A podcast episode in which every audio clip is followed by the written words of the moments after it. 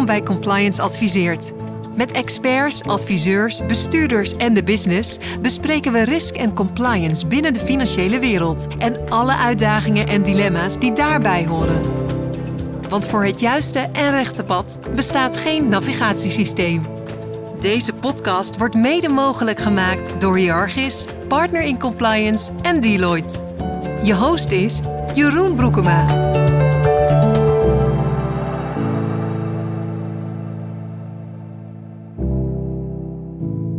Welkom luisteraars bij een nieuwe aflevering van Compliance Adviseert. Deze week met Marilieke Engbers, de schrijver van Onder Commissarissen. Het boek met ondertitel Hoe het ongezegde in de boardroom de besluitvorming beïnvloedt. Uh, welkom Marilieke. Dankjewel. Leuk dat je er bent en leuk om met jou in gesprek te gaan over dit boek. Ik heb met ongelooflijk veel interesse en enthousiasme gelezen van, van A tot Z. Ik heb dus ook heel veel vragen.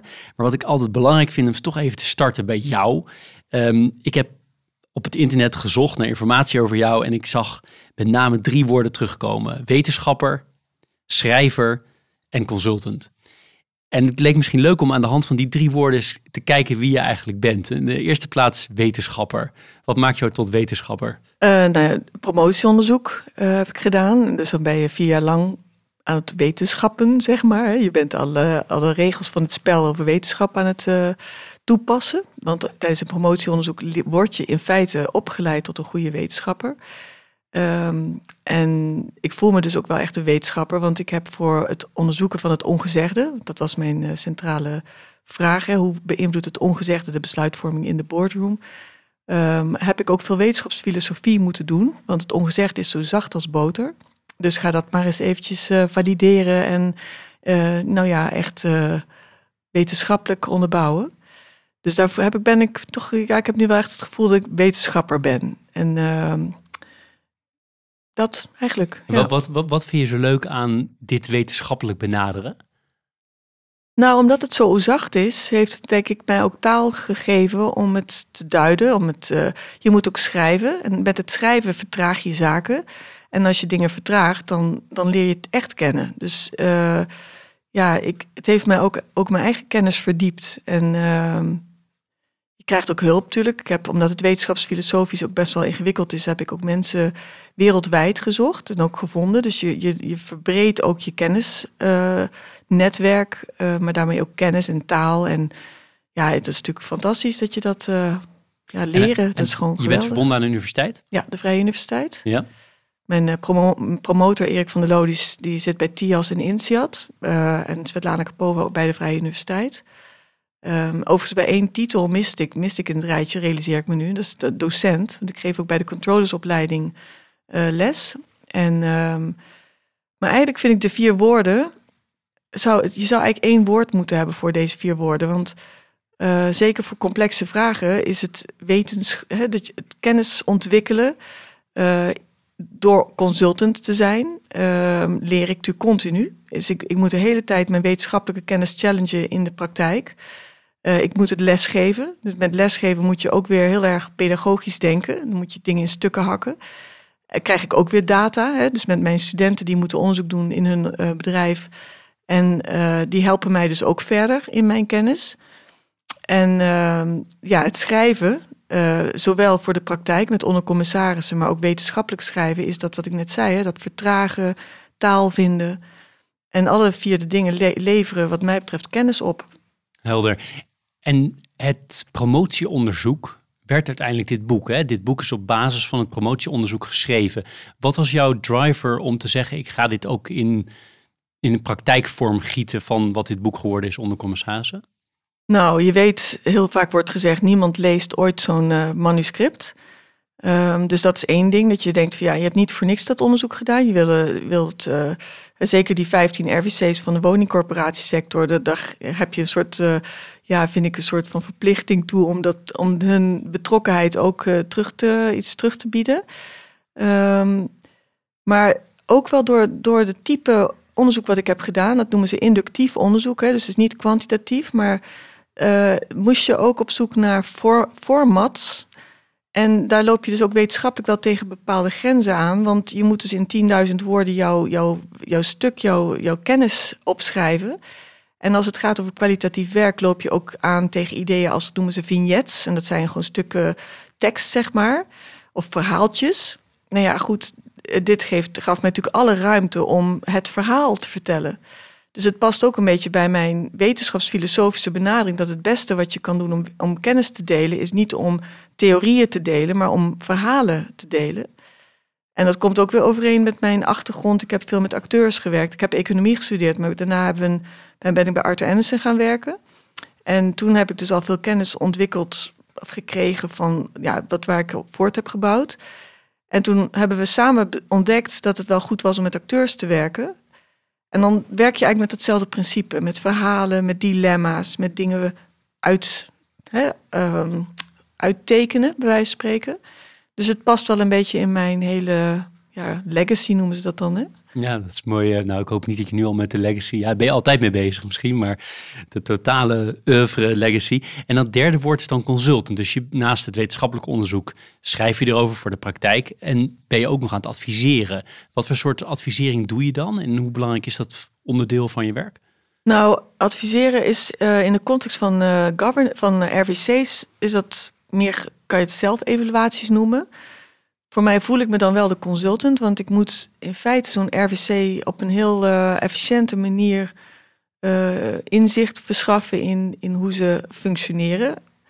Uh, en daar pas ik wel echt alles toe wat ik geleerd heb. Dus het gaat ook over strategie, strategierealisatie. Dat is het vak wat ik dus lesgeef hè, bij de VU, bij de controllersopleiding. het ongezegde. Dus het is echt een soort van ehm, hele compacte consultingklus. Maar in RVC-land noemen ze dat dus zelf-evaluaties.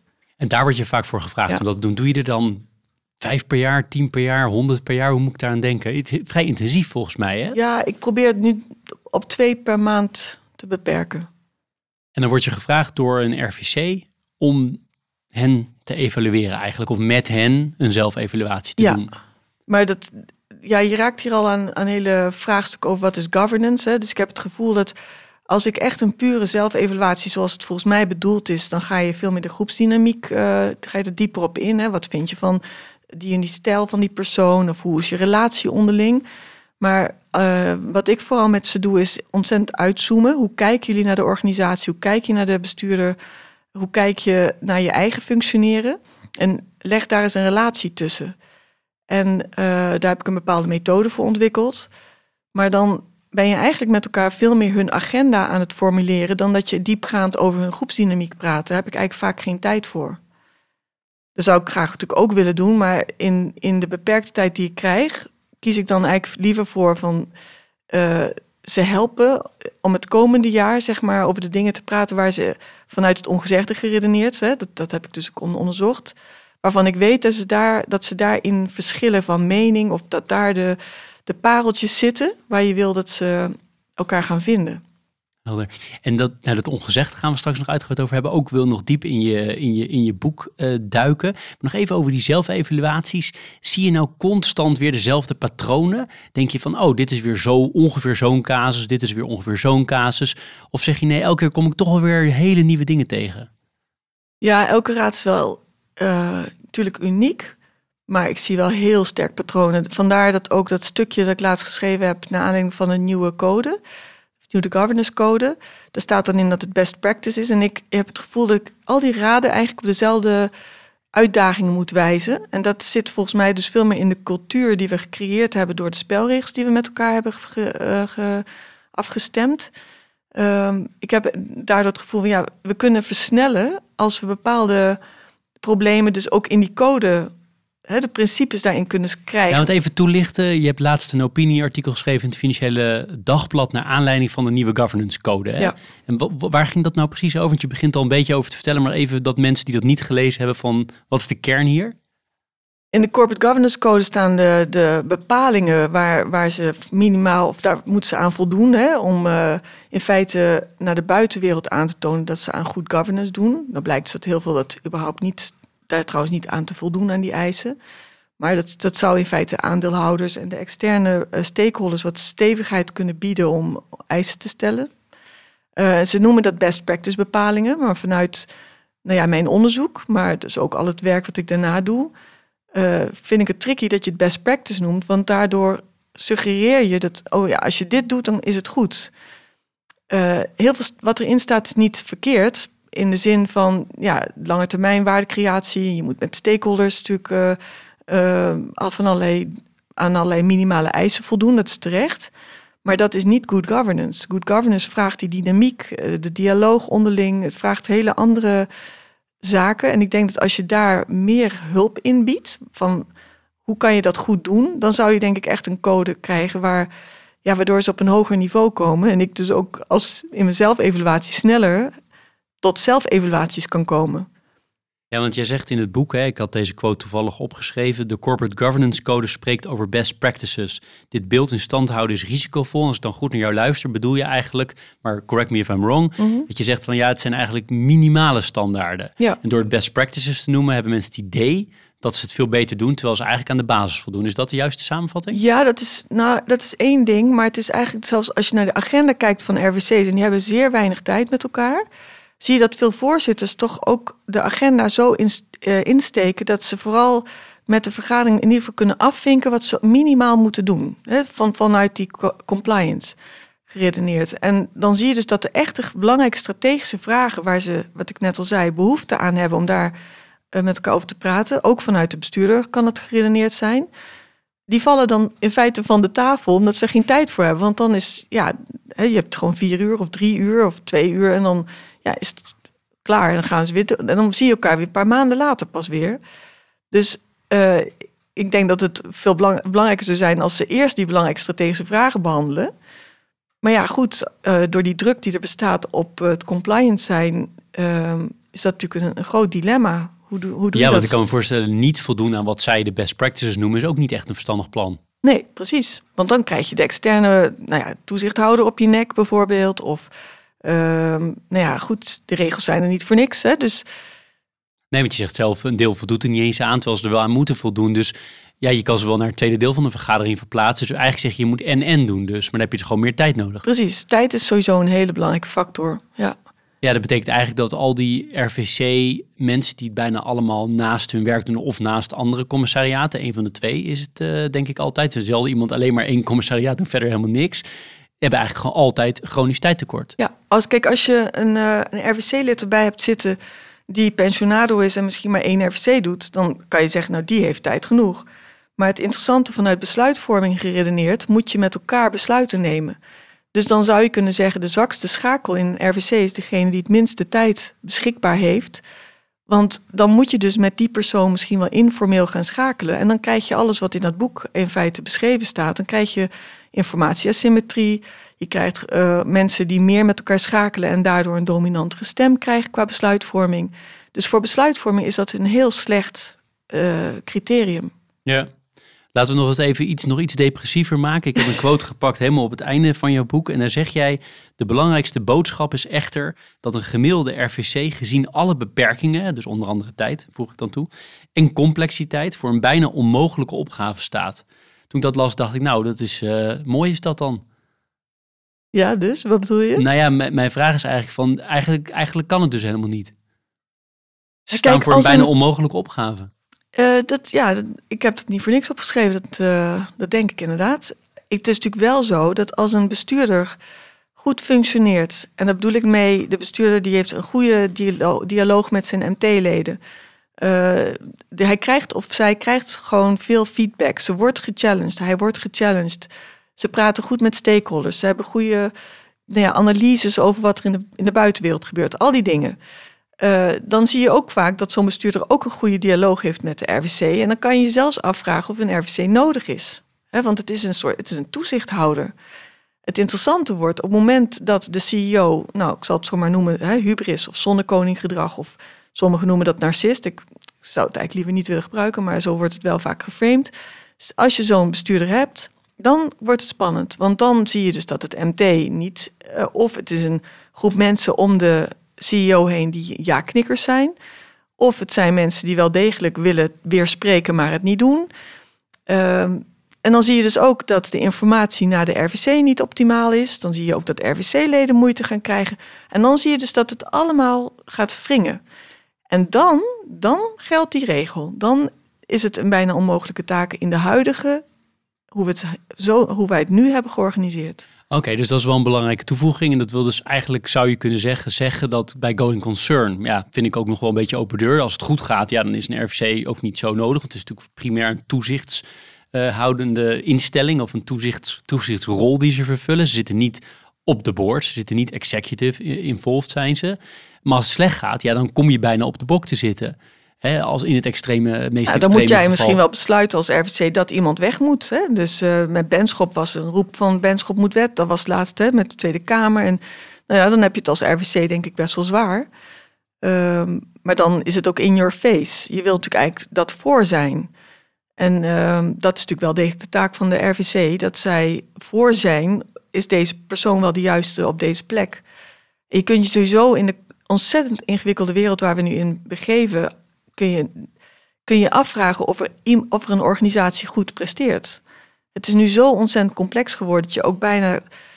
Uh, ja, je wil die tegenkracht van die RWC ook hebben. Van hebben we wel een goede strategie? Um, zijn we wel genoeg maatschappelijk gericht? Uh, misschien wel te veel. Hè? Zijn de aandeelhouders ontevreden? Het is nu zo complex dat je af kan vragen of, of er een going concern is. Maar in de kern, even de meest fundamentele vraag, misschien wel van vandaag. Je bent niet tegen het idee van een RVC op een bedrijf. Absoluut niet. Je want, denkt wel, ziet wel de toegevoegde waarde daarvan. Zeker, want een bestuurder is uh, niet de eigenaar. Hè? Een CEO is niet de eigenaar, dus die moet gewoon gecontroleerd worden in de zin van niet eens bewust kan hij zijn eigen belang uh, voorop stellen. Hè? We zijn mensen, hij kan het of zij kan het ook doen vanuit uh, goede intenties, maar toch niet doen wat de aandeelhouders of de publiek, het publiek wil. Dit is Compliance Adviseert. En we nog even eh, terug uh, helemaal naar de basis. Hè. Waar hebben we het eigenlijk over? Hoeveel RVC's en RVC-leden zijn er eigenlijk in Nederland? Heb je er enig beeld bij? Ja, ik probeer het uh, te onderzoeken. Ik geloof dat ik 30.000 in het boek heb geschreven. Ja, dat kom ik ook tegen. Ja. ja. 30.000 commissarissen en 5.000 raden van commissarissen ongeveer. Ja. Zeg jij hier. Ja, Slash maar dat is, ik heb het uh, bij allerlei brancheverenigingen nageprobeerd uh, te gaan, maar het is uh, ingewikkeld. Maar dat zijn Kijk, er veel, bij de woningcorporaties weet ik dat zijn rond de 300. 300, je hebt 300 woningcorporaties, dat is simpel. Maar als je naar de zorg gaat en naar de, hè, want die, die hebben ook vaak dus een RVC, RWT, zorg, onderwijs, ehm, nou ja, beursgenoteerde bedrijven, ik geloof dat dat er 80 zijn, maar dat heb ik ook maar gehoord. Het lijkt me best weinig. Ik denk dat het er meer zullen zijn, maar in die orde van grootte? Ja, absoluut. En dan heb je nog natuurlijk alleen in de financiële sector, die ik dan weer beter ken, natuurlijk ook alweer honderden duizenden bedrijven en ook weer dochterbedrijven die vaak weer RVC's hebben met leden ja, uit. Pensioen heb je natuurlijk ook heel veel. Daarom, dus het zou misschien nog wel eens veel meer kunnen zijn. Ja, ja. ja. nee, dat, dat is interessant. En nog even voor mensen die niet zo in die RVC-wereld thuis zijn. Jij beschrijft heel duidelijk drie hoofdtaken: hè? toezicht, advies en werkgever. Uiteindelijk is het ook degene die de bestuurder kan ontslaan. En ja benoemd. Ja, en, nou zijn er, er wordt ook hè, netwerk, eh, er worden allerlei andere rollen toebedeeld, maar in de kern zou je deze wel kunnen. Kijk, netwerk is in feite ook een soort adviesrol, want dan, dan help je de bestuurder met uh, netwerken. Maar ja, deze drie vind ik wel het, uh, de kern raken. In de financiële wereld praten we ook over risico. Hè. Risico is natuurlijk een van de basisbegrippen in de financiële sector. Loop je nou als RVC-lid eigenlijk veel risico? Ik denk het toenemende mate. Het wordt allemaal gejuridiseerd. Ge, ge dus ook de individuele commissaris loopt het risico dat, het, uh, dat die aansprakelijk wordt gesteld als het niet goed gaat. Je ziet ook dat de druk van de, van de bevolking toeneemt. Hè. Je wordt, denk ik, loopt ook het risico uh, dat je als uh, elite of dat je jezelf als iemand die zichzelf wil verrijken. Er zitten allemaal natuurlijk vooroordelen die niet altijd helpen. Hè. Dus als je weet dat sommige commissarissen in bepaalde, bijvoorbeeld in de cultuursector, krijgen amper betaald. Maar men weet dat niet. je bent dus toch gewoon een commissaris van een museum en uh, je zult er wel rijk mee worden. Dus op allerlei vlakken lopen ze denk ik risico. Heb jij een beeld bij of er ook echt mensen aansprakelijk gesteld worden, of dat vaak gebeurt? Uh, volgens mij wordt ze niet vaak aansprakelijk gesteld, nee. Maar dat dus wel meer en meer, hè. Maar het is meer bestuurders, denk ik, uh, tot nog toe. En dat is natuurlijk wel interessant. Op het moment dat er, een, als die juridisering zou doorzetten, wat je nu ziet ook in de financiële sector, weer dat bestuurders aansprakelijk gesteld worden of zelfs uh, aangepakt worden door het, uh, door het Openbaar Ministerie als verdachte in bijvoorbeeld witwaszaken. Als dat zich door zou trekken naar de RVC's, dan wordt het helemaal spannend, want dan heb je met een altijd een tekort aan informatie, hè? of altijd een informatieachterstand. En dan aan spraak gesteld worden, dat zou wel heel, heel heftig zijn. Ja. En ook heel ingewikkeld, denk ik. Want hoe laat je zien dat je niet... Ja, je bent een groep en zo. Dus dat is ook heel moeilijk, denk ik, hoor. Maar ik denk dat je ook niet moet onderschatten dat je kwetsbaar bent. Dat dat misschien nog een veel grotere zorg is voor deze mensen. Want je, je zit vaak aan het eind van je carrière. Of het hoeft niet altijd... Hè, er worden ook steeds jongere mensen commissaris. Maar uh, de status of je imago... Uh, wat, wat je kwijt kan raken als er een debakel is... is denk ik ook wel serieus. Nou zie je trouwens dat sommige mensen een debakel hebben doorlopen en dan toch weer terugkomen. Dus, maar ik denk dat je toch niet moet onderschatten dat het heel onprettig is. En ook als je niet uh, beschuldigd wordt, ken ook mensen die wel aangeklaagd zijn. En ja, dan, dan, ook de, hè, dan moet je ook een advocaat en de kosten die lopen dan op. En dat is natuurlijk een absoluut onprettige uh, positie waar je dan in zit. Dus daar moet je denk ik veel meer het risico in zien dan de uiteindelijke gevangenis waar je in komt. Of, uh, maar ik zit dan altijd wel aan Enron te denken. Het kan, natuurlijk wel, hè. Je weet het niet. Het boek heb je ervoor gekozen om uh, een hele, voor een hele leuke opzet wat mij betreft. Want het zijn uh, namelijk leden van, van een RVC, maar ook de bestuurder en nog een paar andere personages. Het zijn ook echt personages in je boek. Ze hebben namen en die maken dingen mee. Het gaat over de interactie tussen die mensen. En dan heb jij eh, wat ik noem ballonnetjes ernaast gemaakt met achtergrondinformatie. Heel erg leuk. Ik zei net in het voorgesprek, hè, ik werd er ook echt ingezogen. Het las bijna als een echt verhaal. Terwijl toch meer een, e-, ook, uiteindelijk ook een educatief boek is natuurlijk. Dus dat vind ik heel knap gedaan. Uh, maar even de hele simpele vraag. Waarom ben je ervoor gekozen om het zo op te schrijven? Ja, omdat wat ik in het begin al zei hè, over wat is kennis. Uh, wetenschapsfilosofisch zijn er mensen die zeggen van zodra je gaat algemeniseren, uh, is het eigenlijk al niet meer bewijs van spreken waarheid. Uh, de enige waarheid die we hebben zijn echte verhalen. Want uh, alles wat je daarvan wegdoet, weggaat, is interpretatie. Dus door die discussie met die wetenschapsfilosofen was mij de, ben ik denk wel bewust geworden van hoe belangrijk het is dat je het gewoon het verhaal vertelt en dat je daardoor laat zien hoe verschillende karakters ook naar diezelfde werkelijkheid anders kijken. En dat kan je bijna alleen maar laten zien door, nou ja, door Thomas en Jan Jaap. En die maken allemaal dezelfde vergadering mee, maar hebben een totaal ander verhaal, ondanks dat ze dezelfde vergadering hebben meegemaakt. En dat is mijn dataset geweest. Ja, duidelijk. Dus dat, dat is toch weer dat, die inductieve methode van het heel ja. vanuit het concrete naar het, naar het algemene. En, en laten we Lara niet vergeten, want dat ben jij volgens mij toch? Niet? Neem ik aan. Ja, klopt. Toch de adviseur die, uh, maar die ook overigens, wat ik mooi vind, uh, en typerend ook wel in positieve zin, die ook weer haar zwaktes laat zien en haar afwegingen heeft, dan doe ik het goed en wat, wat ben ik hier aan het doen?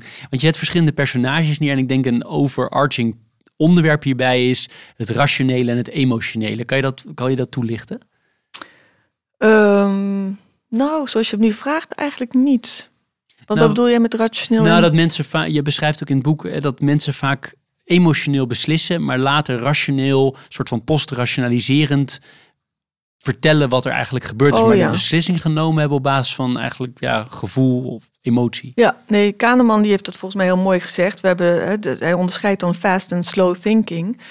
En in feite zijn we allemaal fast thinkers. En dat bedoel ik intuïtieve denkers. Het is heel noodzakelijk, zeker in een vergadering met acht man of zo, dat je heel snel beslissingjes neemt. Kleine beslissingjes. Vind ik het goed gaan? Vind ik het niet goed gaan? En als je iets niet goed vindt gaan of er kruipt een on, onprettig gevoel in jouw systeem, zeg maar, dan moet je daar spot besluiten of je er iets mee doet of niet. En dat zijn microbesluitjes. En uh, als je achteraf terugkijkt, dan kan, kan er ook een rationalisatie plaatsvinden van ja, dat deed ik omdat. En dan is alleen de vraag, is dat de echte reden? En dat, dat je gaat vaak je eigen gedrag rationaliseren achteraf. En dat, dat zegt, dat zegt Kahneman, is meer dat slow, thinking is misschien niet goed uitgelegd zo, maar uh, kijk, als je gaat rekenen, 1 plus 1 is 2, dat is slow thinking, dan ga je echt nadenken. En, en als je het hebt over situaties, dan denk ik dat dat rationaliseren is een soort van slower thinking, want je gaat het achteraf doen en uh, ja, je gaat goed praten wat je gedaan hebt cruciaal begrip in dit alles is, je hebt het al een aantal keer aangehaald, maar het ongezegde. Kan je definiëren wat je ermee bedoelt? Nou, ik heb dat, um, dat is een goede vraag, want daar worstel ik natuurlijk ook mee. Het is een onbekend construct wetenschappelijk. Um, en ik heb daardoor ben ik gekomen tot drie typen ongezegde. Het ongezegde weten, dat is meer dat intuïtieve kennis, waar je niet altijd ook kunt verbaliseren. Dus uh, dan moet je voorstellen dat een, uh, een, commissaris die zegt van ja, het voelt gewoon niet goed. Ja, wat dan? Ja, dat weet ik niet. Maar het gevoel is niet goed. Dus dan zit je meer. En als je dan wat langer doorvraagt, komt er wel meer tekst. dus dat, dan, dat is ook bekend uit de wetenschap. Dan, je moet mensen soms ook helpen met het verbaliseren. Uh, dat, dat, kan ook dus vaak wat meer achteraf dan in het moment. Nou, dan heb je het ongezegde. Dat is meer als men bewust ongezegd dingen, zaken ongezegd laat. Dat zit een beetje bij dat psychologische veiligheidsdenken. Ik weet niet of je dat kent, maar mensen houden ook vaak heel bewust hun gedachten voor zich, omdat ze incalculeren dat het een groot risico zal zijn.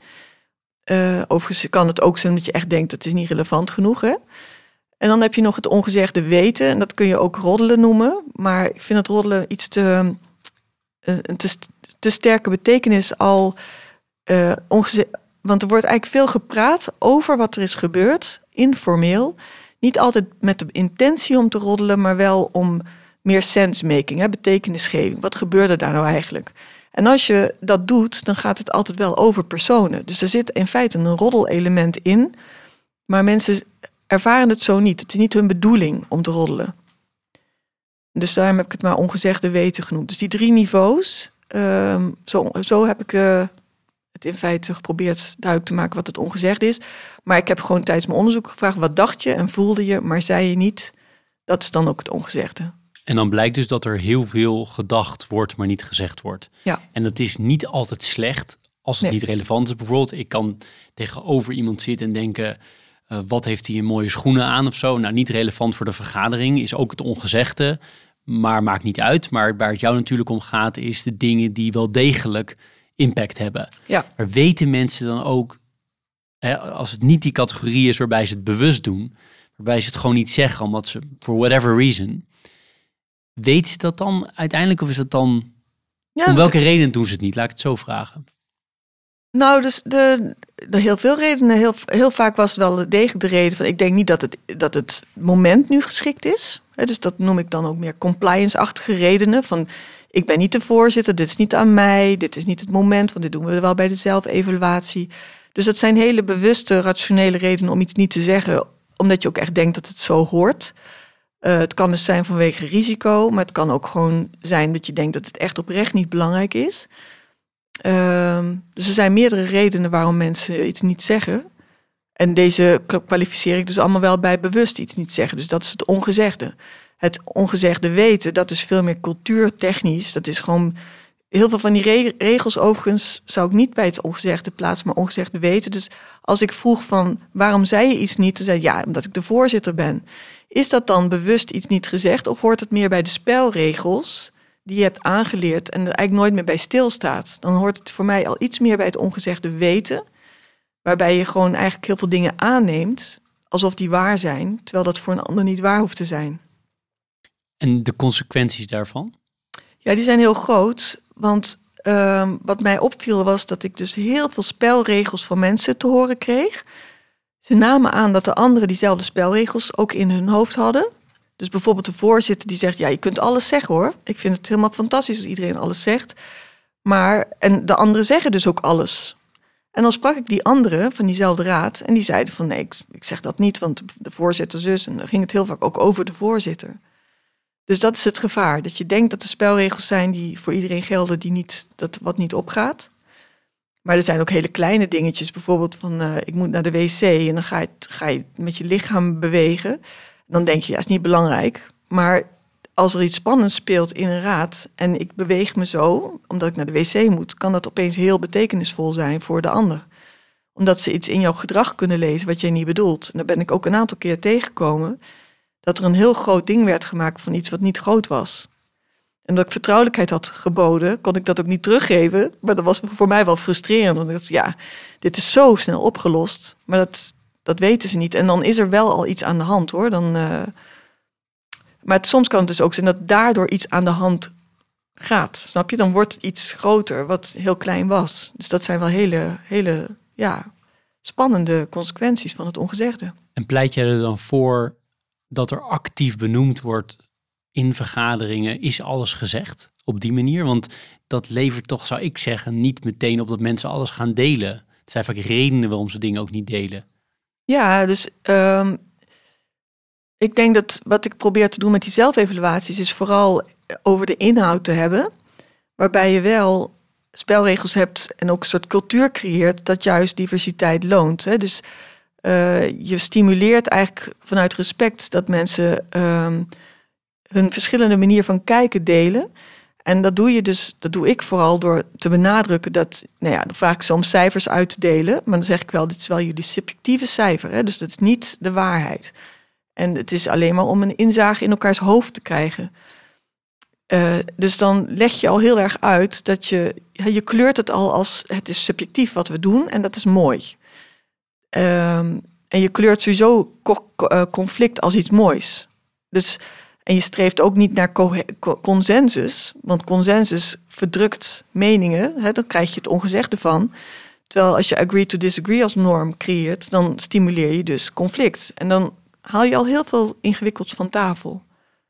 Wat ik lastig vind, hè, is dat je het ongezegde. Ik snap hoe belangrijk het is dat het vaak, niet altijd, maar vaak wel op tafel komt in, in een vorm. Maar dat dat volgens mij alleen maar goed kan als je elkaar eh, in de kern mag en elkaar vertrouwt. En dat er een fundamentele basis is van respect. Als die er is, komt er volgens mij is er veel meer ruimte om daadwerkelijk het ongezegde gezegd te maken. Klopt dat? Of kan je ook. Nou, Jan Lencioni is daar volgens mij bekend om. Uh, ik, zou het, ik zou het andersom. Misschien is het dan mijn naïeve idealist hoor, maar wat ik zie is dat je juist vertrouwen krijgt en respect door het conflict te hebben. Dus je draait het eigenlijk om. Maar daarvoor heb je wel weer die spelregels nodig. En die zijn, er, zijn, er zijn ook eigenlijk spelletjes zoals de Devil's Advocate. Uh, die dat stimuleren. Dus het leuke is dat veel mensen volgens mij stiekem wel willen leren. Um, maar je moet wel laten, je moet, het moet wel heel procedureel duidelijk zijn dat we gaan nu leren. Dus we gaan elkaar nu pijn doen. Dan is het de pijn is al minder. Want dan hoort het bij een debat. Weet je, debat is ook zo'n voorbeeld van ja, je weet gewoon, we gaan een debat aan. Overigens, zelfs dan kan het relationeel wel degelijk uh, gespannen worden. Maar toch helpt het al om het zo te framen dat mensen weten: oké, nu, nu is het. Is dat de bedoeling? Ja, waarbij het dus volgens mij altijd gaat, maar mijn idee daarbij is dat je de persoon moet kunnen scheiden van de inhoud op een of andere manier. Maar dat is natuurlijk bijna onmogelijk als je iemand best wel hard aanvalt op zijn mening om dat niet persoonlijk te nemen, is natuurlijk voor mensen eigen om dat heel moeilijk te vinden. Ja, klopt. Je luistert naar Compliance Adviseert. Je hebt in je boek uh, een, een, kwadrant wat mij erg uh, aansprak en dat gaat over die vier spreekculturen. Dan weet je waar ik het over heb. Um, wil je die aan, aan, mij toelichten? Want het gaat over aan de ene as staat sociale cohesie en aan de andere as staat inhoudelijk conflict. Ja, nou, het leuke is, ik, hier noem ik het cultuur, maar mijn paper is net geaccepteerd in een Amerikaans journal. Dus, uh, Ja, is echt, uh, ben ik heel blij mee. Maar daar noem ik het klimaat. Want je zou kunnen zeggen, er is een governance cultuur. En binnen die governance cultuur hebben mensen heel veel moeite om dus die cohesie, noemen ze dat. Cohesie is dat je uh, in feite lange termijn met elkaar kan samenwerken. Je hoeft geen vrienden te zijn, je hoeft elkaar helemaal niet persoonlijk te kennen. Maar je moet wel respect hebben voor elkaars mening. En dus de wens hebben om langer met elkaar te werken. Dat is cohesie. Aan de andere kant zeggen ze, je wil cognitief conflict, want je wil verschillende ideeën. Nou, in feite in die kwadrant heb ik vier klimaten beschreven. Hoe de RVC's die ik heb onderzocht uh, met, dat, met die spanning omgaan. En de compliance klimaat is dus een klimaat waar uh, de RVC-leden niet op elkaar stoel gaan zitten. Ook niet op de bestuurder, maar ook niet op elkaar. Dus je gaat niet op de voorzitterstoel zitten. De auditcommissie gaat niet op de remuneratiecommissie-stoel zitten. Dus iedereen houdt ontzettend strak aan zijn eigen portefeuille vast. Dan kan je het heel leuk hebben met elkaar, of cohesievol, je kunt het lang volhouden. Maar uh, je hebt eigenlijk weinig conflict, want iedereen pakt alleen maar zijn deelgebiedje. Bij agree to disagree ga je dus uit van, nou, we hoeven geen consensus, we moeten juist uh, voor conflict gaan. Maar als wij een verschil van mening hebben, dan telt bijvoorbeeld de meerderheid. Maar je gaat ook managen dat die minderheid uh, ja, wat doe je eigenlijk met die minderheids, het minderheidsstandpunt? Hoe ga je daarmee om? Um, respecteer je dat? Dat is sowieso relationeel.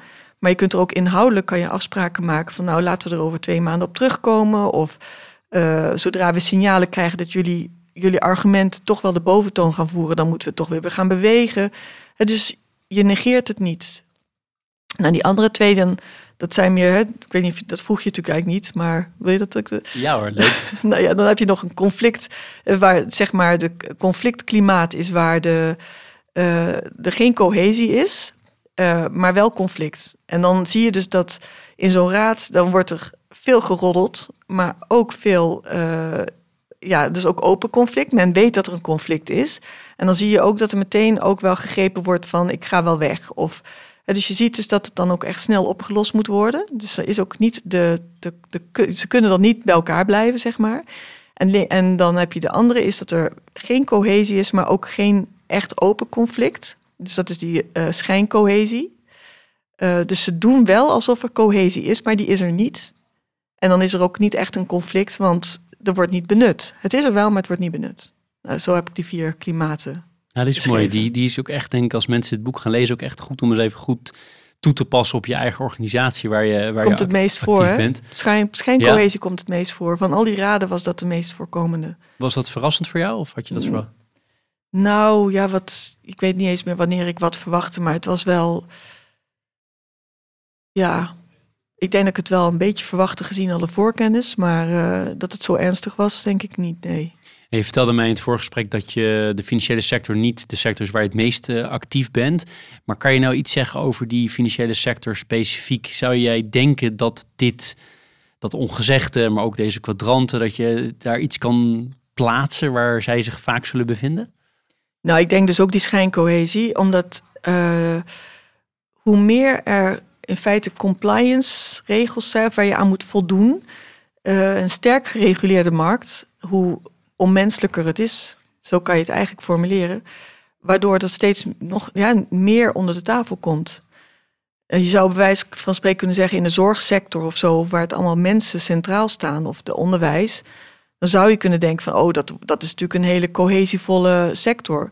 Dat denk ik dan ook weer niet, want daar denk ik dat weer veel op de wandelgangen wordt besproken. En men doet dan wel heel erg lief tegen elkaar, misschien tijdens een vergadering, maar dat werkt ook niet. Dus het, is een hele lastige. Uh, uh, de balans vinden tussen hard en zacht is echt heel ingewikkeld. Ja, terwijl de financiële sector stereotyp gezien er wel bekend om staat om vrij rationeel te zijn. Het in de kern zijn het vaak getallen.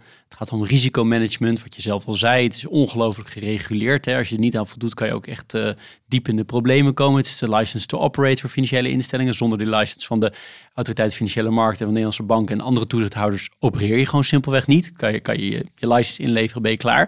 Dus ik kan me ook voorstellen dat daar dan ook heel veel aandacht naar uitgaat vanuit een RVC. Want die dingen moeten gewoon op orde zijn. Punt. Maar dan heb je denk ik niet de strategische discussie die je moet hebben, die heel holistisch is. En daarvoor moet je op elkaar stoel willen zitten. Dan moet je ook het perspectief van de, de HRM'ers willen snappen. Dan moet de finance persoon. En die, hebben, die spreken andere talen. Dus dat vraagt ontzettend veel in het ongezegde. Maar het elkaar echt gewoon taaltechnisch begrijpen. Want een finance, bedoel, daarom vind ik het leuk om een controllersles te geven. Want ik leer via hun eigenlijk de, de financiële taal. Terwijl ik toch wel vanuit de zachte psychologische, sociaal-psychologische kant dingen probeer over te brengen. En dat zijn echt twee taalwerelden met, met een hele andere paradigma erachter. Maar dat is eigenlijk wel nodig om tot goede besluiten te komen. En ik vraag me af of dat, ja, of dat met sterk met regulering, denk ik dat we dat zelfs kapot maken. En, en dat is natuurlijk wel uh, niet de bedoeling. Want hoe kijk jij naar de RVC-leden die aan informatie komen, niet via het bestuur. Dus met andere woorden, via wat je ook in je boek mooi beschrijft, op borrels, maar misschien ook wel in semi-formeel contact met de controller of met de hoofd compliance of met andere ja, toch wel cruciale functies voor een RVC-lid. Hoe kijk je daarnaar? Is dat goed dat er dat soort overleggen zijn, uh, bilateraal, los van het bestuur? Het is heel goed dat ze er zijn, uh, want een CEO, hè, dat, dat CEO-disease noemen ze dat ook wel, die krijgt gewoon niet alles te horen omdat hij de macht heeft. Dus daar zit dan ook die countervailing power van de, de RVC moet daar ook niet blind voor zijn. Dat, daarvoor moet je met anderen spreken. Maar het is tegelijkertijd ook heel risicovol, want um, ten eerste moet je niet vanuit gaan dat een, een, een, bijvoorbeeld een compliance officer je alles vertelt, want die weet waarschijnlijk, gaat hij inschatten van, oh, heeft de CEO wel, uh, die weet dat zij met mij praten. Dus alles wat herleidbaar is, is natuurlijk al, uh, daar gaan ze rekening mee houden. Dus de vraag is, hoe open zijn ze? En als ze doen alsof ze open zijn, kan jij als RVC-lid denken, oh kijk, ik heb met ze gesproken, dus ik weet alles, terwijl dat niet zo is. Uh, tegelijkertijd kan het ook zo zijn dat je andere dingen zegt dan de CEO. Dus dan zit je op de stoel van de bestuurder, de CEO. En dan krijg je mogelijk twee uh, strijd in leiderschap. Dus dat is ook absoluut ongewenst. Ze zijn, het is wel een hele gevoelige, je moet wel heel rolvast zijn. Je moet wel heel erg begrijpen dat je waarom jij het doet. En dat, en dat moet ook de compliance officer heel goed begrijpen. Dus je moet wel ja, qua agenda en qua rolvastheid heel bewust handelen. Dat is echt kort dansen voor beide partijen. Hè? Want als je die compliance officer als voorbeeld neemt en het RVC-lid, lijkt me heel lastig. Want je wil toch die informatie, je wil daarvoor moet je een beetje vertrouwen winnen. Je moet elkaar enigszins vertrouwen. Dan worden jou misschien dingen met jou gedeeld die je weer niet mag delen met je andere RVC-leden, omdat je een soort van ja, hebt aangegeven dat je het voor jezelf tussen aanhalingstekens houdt. Aan de andere kant is het je, je duty, je plicht om ook dat toezicht te houden. Je bent tegelijkertijd uiteindelijk de werkgever van die bestuurder. Dus het kan, klinkt als per definitie, tot, gaat het tot problemen leiden. Ja, daarom, daarom moet het, wat mij betreft, zo'n hele code moet volstaan met dilemma's. He, govern, dit, zijn, dit zijn governance dilemma's. En dus door te doen alsof er een best practice is met als je dit en dat doet, dan gaat het goed. Dan versimpel jij iets wat super complex is, zodanig dat het gewoon niet meer, uh, ja, hoe moet ik dat zeggen? Nou, dat vind ik dus, dan is het bijna niet meer werkbaar. Dus respect hebben voor deze dilemma's en daar dus ook elkaar op challengen. Dus een, een commissaris die met een uh, compliance officer gaat praten, dat kun je beter maar met z'n tweeën doen. En dat die tweede, dus omdat hij dus een andere rol kan hebben in dat gesprek, niet in het, in het moment alles moet doen, maar dat je ernaar kan kijken als de tweede persoon en, en kan corrigeren. Dat zijn een soort van uh, lines of defenses van commissarissen onderling. Weet je? Dus je moet heel erg bewust gedragen. Ja, want jij ziet de Raad van Commissaris ook als een soort line of defense, toch? Ja. Want in de financiële wereld is het vaak uh, de drie lijnen. Gewoon de, de client-facing mensen, de compliance officers als tweede en de audit als derde.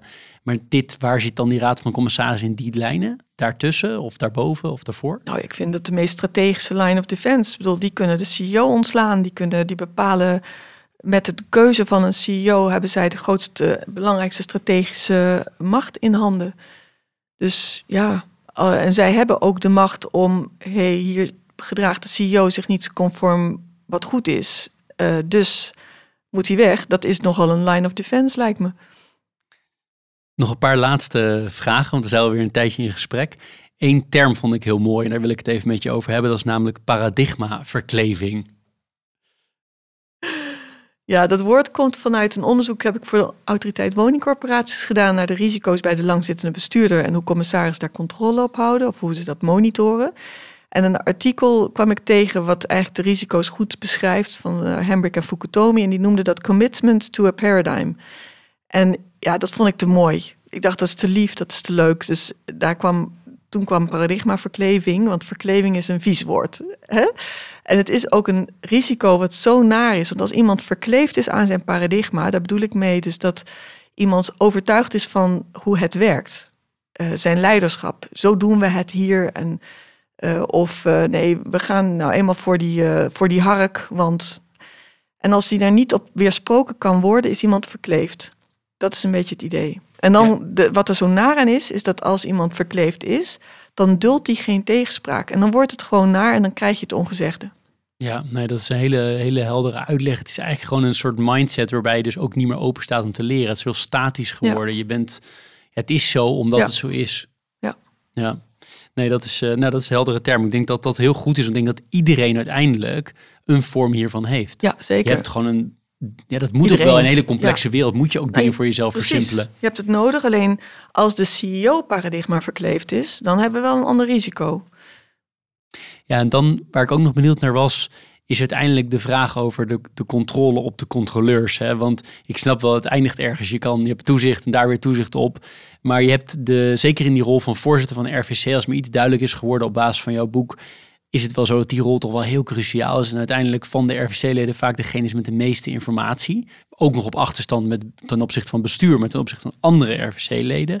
Maar wie controleert nou die voorzitter? Zijn dat de andere RVC-leden? Is dat het voor de hand liggende antwoord of klopt dat niet? Nou, ik geloof dat ik in mijn uh, uh, het laatste deel van het boek heb ik hier volgens mij ook over geschreven. Van het is interessant dat we wel een hele RVC optuigen om de CEO te controleren. Maar wie controleert nou die, die voorzitter? En in de, in, voor, voor de reflectie op dit vraagstuk zeg ik heel vaak: laten we de voorzitter afschaffen. Nou, je kunt je voorstellen dat je dan onmiddellijk weerstand creëert met dat voorstel, want iemand moet wel naar buiten toe uh, uh, het spreek, de spreekbuis zijn. Maar naar binnen toe denk ik dat het helemaal niet zo'n gek idee is. Want je bent in feite. Uh, uh, is er geen hiërarchie tussen commissarissen. We hebben een soort technisch voorzitter nodig die de vergadering ja. leidt. En de keren dat ik dit voorstel met RVC's, dan zie je wel dat, dat, uh, dat er ook heel veel creativiteit ontstaat. Je, kunt die rol op heel veel manieren voor, uh, ja, invullen. Maar van oudsher denk ik dat je dan wel bepaalde voorzitters die nu voorzitter zijn, dat die daar niet blij mee zijn. Want die hebben die rol nou eindelijk gekregen. Na jarenlang hard werken, bij wijze van spreken. En dan zou je ze die rol afpakken, want het is een rol waar je ook natuurlijk status aan ontleent. Ja, sterker nog, de voorzitter krijgt meestal ook gewoon letterlijk meer betaald. Meer tijd en meer geld, ja. Ja. Laatste vraag van mijn kant. Je hebt het al aangestipt, maar het spreekt me zo aan dat ik het toch nog even met je over wil hebben. Namelijk dat roddelen, ook al heeft dat een negatieve uh, bijsmaak. Maar jij zegt ook eerder in dit gesprek, maar ook in het boek, het heeft ook een hele belangrijke functie. Maar kan je een soort handvat geven waar het nog nuttig is en wanneer het overslaat naar dat het ineffectief wordt en tot problemen gaat leiden? Nou, volgens mij is het antwoord dat als je het geheim wil houden, dat je dat gesprek hebt gehad, dan weet je dat het fout is. Um, dus ik denk dat het sowieso heel belangrijk is dat je open bent over met wie je hebt gesproken, wanneer en waarover. En daarvoor moet je toch ook weer bewust handelen. Maar in alles wat ik nu ook met die compliance officer bijvoorbeeld uh, heb gezegd, gaat het over bewust handelen. Dus ook hierover gaat het over dat je bewust bent van hé, hey, we staan op de parkeerplaats. Uh, die en die personen zijn er niet bij. Dus we moeten ze eigenlijk wel informeren over het feit dat we het hierover gehad hebben. En ook even doorreflecteren op wat was nou de reden dat we hier praten. Want vaak is de reden, de aanleiding om daar op de parkeerplaats te staan, uh, is vaak heel valide. En niet zozeer over een persoon, maar bijvoorbeeld misschien snap je een persoon niet. Hè, waarom, gedroeg hij, waarom gedroeg hij zich zo? Dan is dat al een reden om met die persoon te praten. Dan kan je proberen zelf te duiden met iemand anders. Maar degene die, waar je over praat, weet het beter. Nou, dat is helder. Ja, als je het uh, geheim wil houden, dan is het dan mis. ben je in trouble. Ja, ja nee, dat, uh, dat, dat klinkt in ieder geval heel erg logisch. Heb jij nog iets waarvan je zegt, uh, Jeroen, we hebben heel veel kunnen bespreken, maar dat zou ik graag nog willen vertellen hier, willen benadrukken? of iets specifieks voor compliance luisteraars en, en of de financiële sector? Überhaupt heb je nog iets toe te voegen aan het gesprek? Nou, wat mij fascineert is de rol van macht. En bij macht denk je heel snel ook aan leiders. En ik werk nu ook wel vaker met beleidsmakers. Zo'n code, daar zit, ook, daar zit ook zoveel macht op zo'n code. Alles wat we op papier zetten heeft macht. En degene die dat op papier zetten, hebben ook macht. Dus ik zou eigenlijk de compliance officers ook willen oproepen om na te gaan over hun eigen macht. Hoeveel macht hebben zij? Dus uh, welke macht pak jij door regels op te schrijven of door te inspecteren of wat je dan ook doet met jouw taak? Hoe zien anderen jou? Ik denk dat dat voor alle. Met als doel? Nou, de blinde vlek opzoeken. Want uh, ik denk dat elke compliance officer in feite bezig is met een bepaalde manier van ethiek. En ja, ethiek, wat is ethiek? Maar het, voor mij gaat het over dat je dus bewust bent van het effect van jouw gedrag op anderen. Dus ook van het beleid van jou op anderen. Dus dat geldt ook uh, effect van compliance op anderen en of je daarmee wel je strategie realiseert en de doelen probeert te behalen die jij nastreeft. Mooi. Ik ga je heel hartelijk bedanken. Ik denk dat er niks uh, ongezegd is uh, gebleven. Misschien het enige dat ik het uh, heel toepasbaar vond ehm, in, het, in het licht van mijn eigen toezichtservaring. Dat het ongelooflijk leuk was om het die manier te lezen. Dat er heel veel dingen resoneerden bij mij. Ik heb er in ieder geval eh, veel aan gehad. Het is hartstikke leuk. Ik heb zo meteen, ik wijs er nu naar ook een boek voor jou als uh, bedankje voor je tijd die oh, je wilde vrijmaken voor uh, Compliance Adviseer. Dankjewel. Ja, dank je dat ik hier mag zijn. Je luisterde naar Compliance Adviseert. Deze podcast werd mede mogelijk gemaakt door Hierarchis, Partner in Compliance en Deloitte.